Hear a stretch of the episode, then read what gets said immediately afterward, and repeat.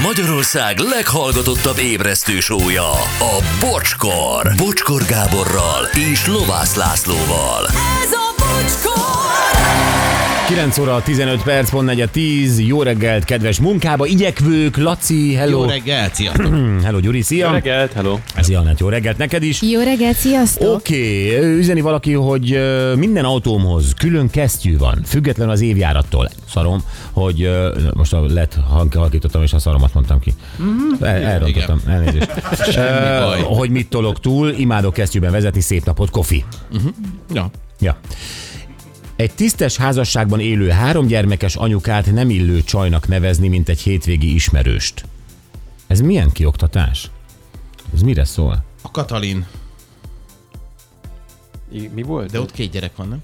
Nem, Katalin három. hercegnél három gyerek, akkor, akkor arra vonatkozik. Őre mert mondtad, hogy a Értem. Vilmos meg a csaja. És most nevel engem? Ezért valaki Igen. telefont ragadott? Ezért hogy valaki telefont, hogy megírta, és tisztes, honnan tudod, hogy tisztes házasságban él? Lehet, hogy, hogy olyan belterjes vérfertőzéses kavarások mennek a Buckinghamben, hogy azt se tudod, mi van. Honnan veszed ezt? Látod, írsz egy ilyen kioktató SMS-t, és még durvább gondolatokat kapsz érte cserébe. És a csaj az, miért, az nem is egy lekezelő szó, hát ez egy kedves, bare, azt mondja, mint egy hétvégi ismerőst. Egy hétvégi ismerős, nem ismerem a kategóriát, de az alárendeled a te Katalinodnak, akit egy képeslapról láttál maximum, vagy egy hülye szuvenír bögrén. Jézus Mária. Jó van, hát őt zavarja. Engem meg ez hát, zavar. Szóljon. Jó, nem? Te is én is itt vagyok azért. szólt. Tehát ebben a párbeszédben én is jelen vagyok. Tehát hadd, hadd legyen nekem is. Ha valaki nem vette volna észre, itt a bocsi. Ja, jó reggelt kívánok, nem olyan, hanem az a sapka, mi? Ja nem, nekem olyan van, hanem az a sapka. Oké, okay, mindegy. Uh, amit Mika Häkkinen viselt, mm. találtam benne egy hajszálat, amit leragasztva őrzök. Tehát beleragasztotta Mika Häkkinen hajszálát a sapiba. Ez igen. Onnan kirehújjék. Uh. Ahol dolgoztam Ausztriában, hozzám kerültek feleségével masszírozásra. Utána egy hétig voltam Monakóban, a feleség joga stúdiójában dolgoztam. Ú, ez izgalmas lehet. Én a Zizi kulcstartót tőlük kaptam. Wow! Hát ez óriási lehetett. Tehát az egy, az egy nagyon nagy erekje. És sziasztok, remélem nem engem néz egy Gyuri részeg néninek, mert be vagyok rekedve kicsit üzeni Józsi. Nagyon hasonló, de Nem a rekedtséggel volt ott a gond, Józsi. Ja, na jól van gyerekek. Eh, Beszéljünk egy picit a műszerfalról. Jó, ha ránézzünk, mert engem most például én feltettem egy kérdést nektek, és uh, ti fejtettétek meg, hogy miért nem tudom azt az egyest kitörölni az én műszerfalamról ott a, a bábú mellett. mert ennyire értünk hozzá. Mert ti értetek hozzá, én meg tényleg majdnem már ö, izé, rákötöttem az aksit a monitorra, hogy kilőjem belőle az összes.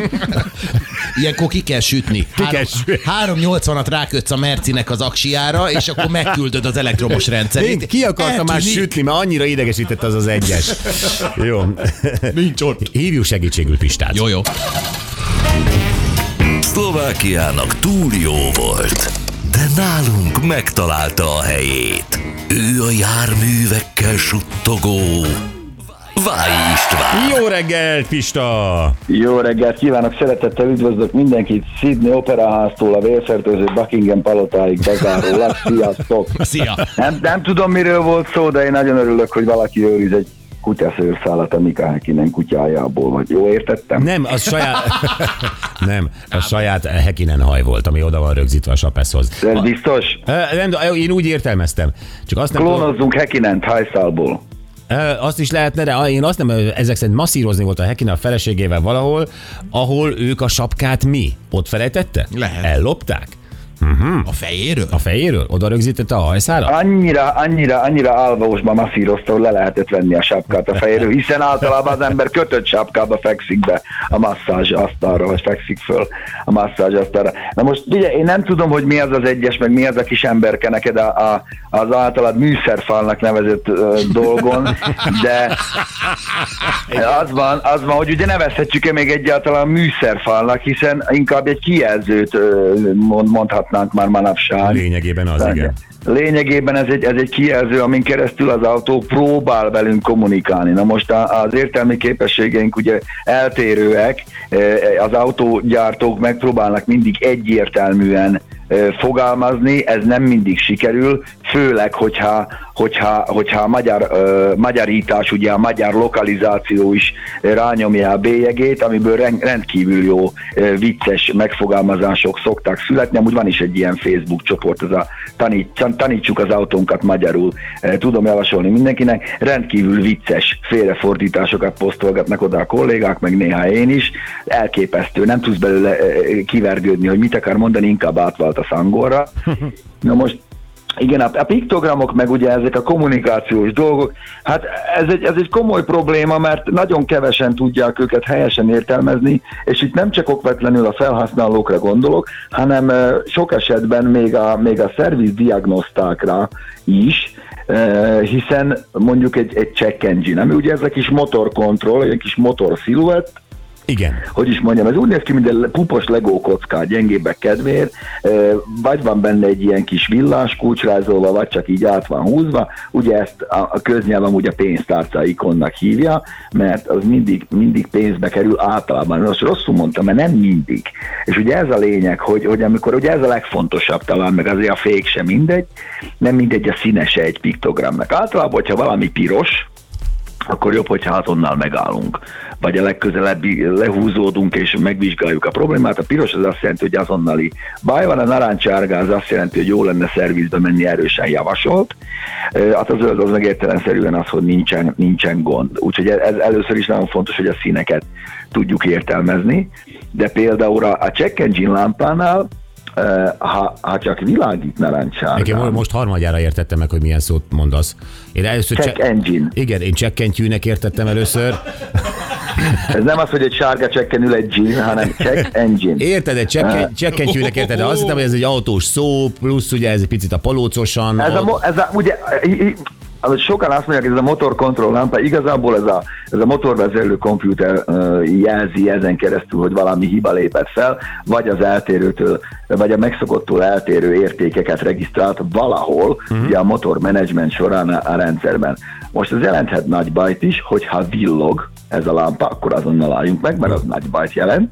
Ha világít, de nem tapasztalunk semmi olyasmit, ami az autó működését jelentősen befolyásolná, akkor is minél hamarabb keressünk fel egy, egy szervizpontot, ahol, és mit jön a lényeg, ha szerencsénk van, akkor az, aki a, kiolvassa ugye az eltárolt hibakódot, az abból rá fog jönni, hogy mi a gond.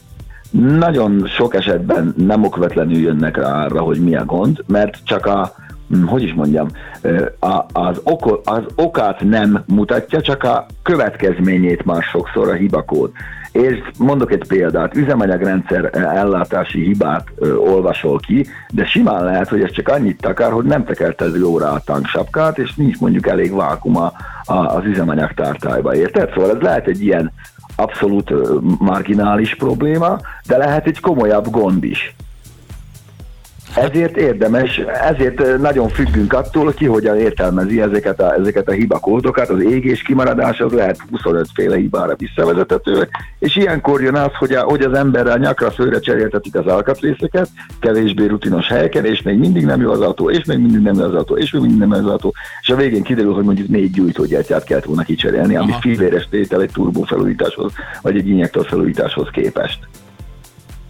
De én azt tudom javasolni amúgy minden, minden felhasználónak, főleg azoknak, akik használt autót vesznek, és mondjuk nincs már meg az úgynevezett kezelési útmutató vagy kézikönyv a, a kesztyűtartóban, hogy nagyon sok márkának a honlapjáról akár magyar nyelven is letölthetőek visszamenőleg régebbi autókhoz is.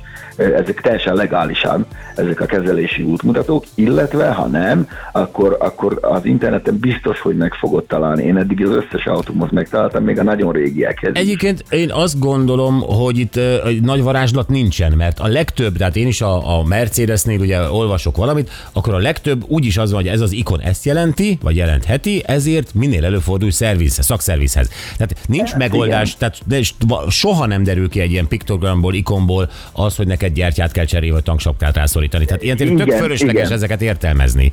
Igen, Szerviz. sokszor kiírja az Ember. autó, mondjuk a, a, lámpamodulnál, hogy mondjuk jobb belső tompított fényszóró, ö, kiégett, cseréljen izzó, de ott is ugye azon keres fel a márkaszerviz, mert ma nem feltételezik, és hát tudjuk nagyon jó, hogy azért nem úgy cserélünk ma izzót ö, egy mai autóban, vagy egy meghibásodott LED Matrix fényszórót nem úgy javítunk, mint régen az 1002-es Zsiguliban, tehát tényleg föl kell keresni a, a márkaszervizt.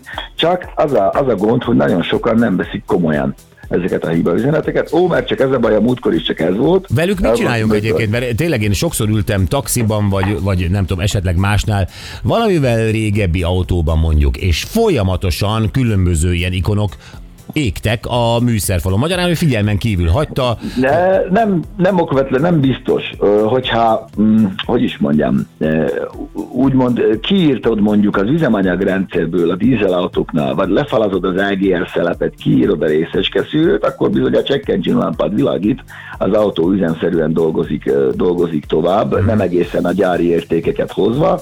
Ö, Ilyenkor az van, hogy a rutinosabbak azok ugye a szoftverből is kiírják ezt a hibát, vagyis hogy szoftveresen is megoldják, hogy ne világítson emiatt a lámpa, a kevésbé rutinosak leragasszák fekete celluxal, akiket meg egyáltalán nem érdekel, azok meg nézik egész nap a kis narancsárga világító motorkontrolllámpát. Nyilván ez egy nem megengedett módosítás, de hát azért ne dugjuk a fejünket a homokba, azért az EGR, EGR szelepet lefalazni, az nálunk, hogy is mondjam, azért magas szinten tudjuk művelni, és hát sok esetben nyilván a pénztárca kímélő megoldás az ez.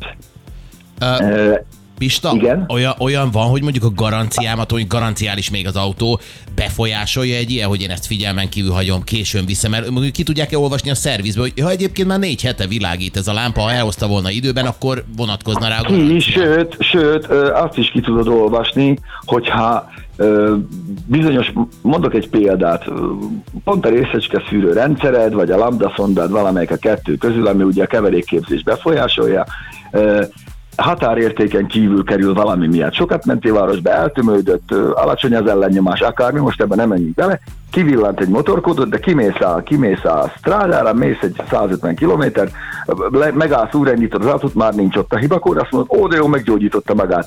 Nem gyógyította meg magát, ez a hibakód az ugyanúgy eltárolásra került a Aha. memóriájába, ahol visszamenőleg, tehát évekre visszamenőleg kiolvasható marad ez a, ez a fajta hibakód.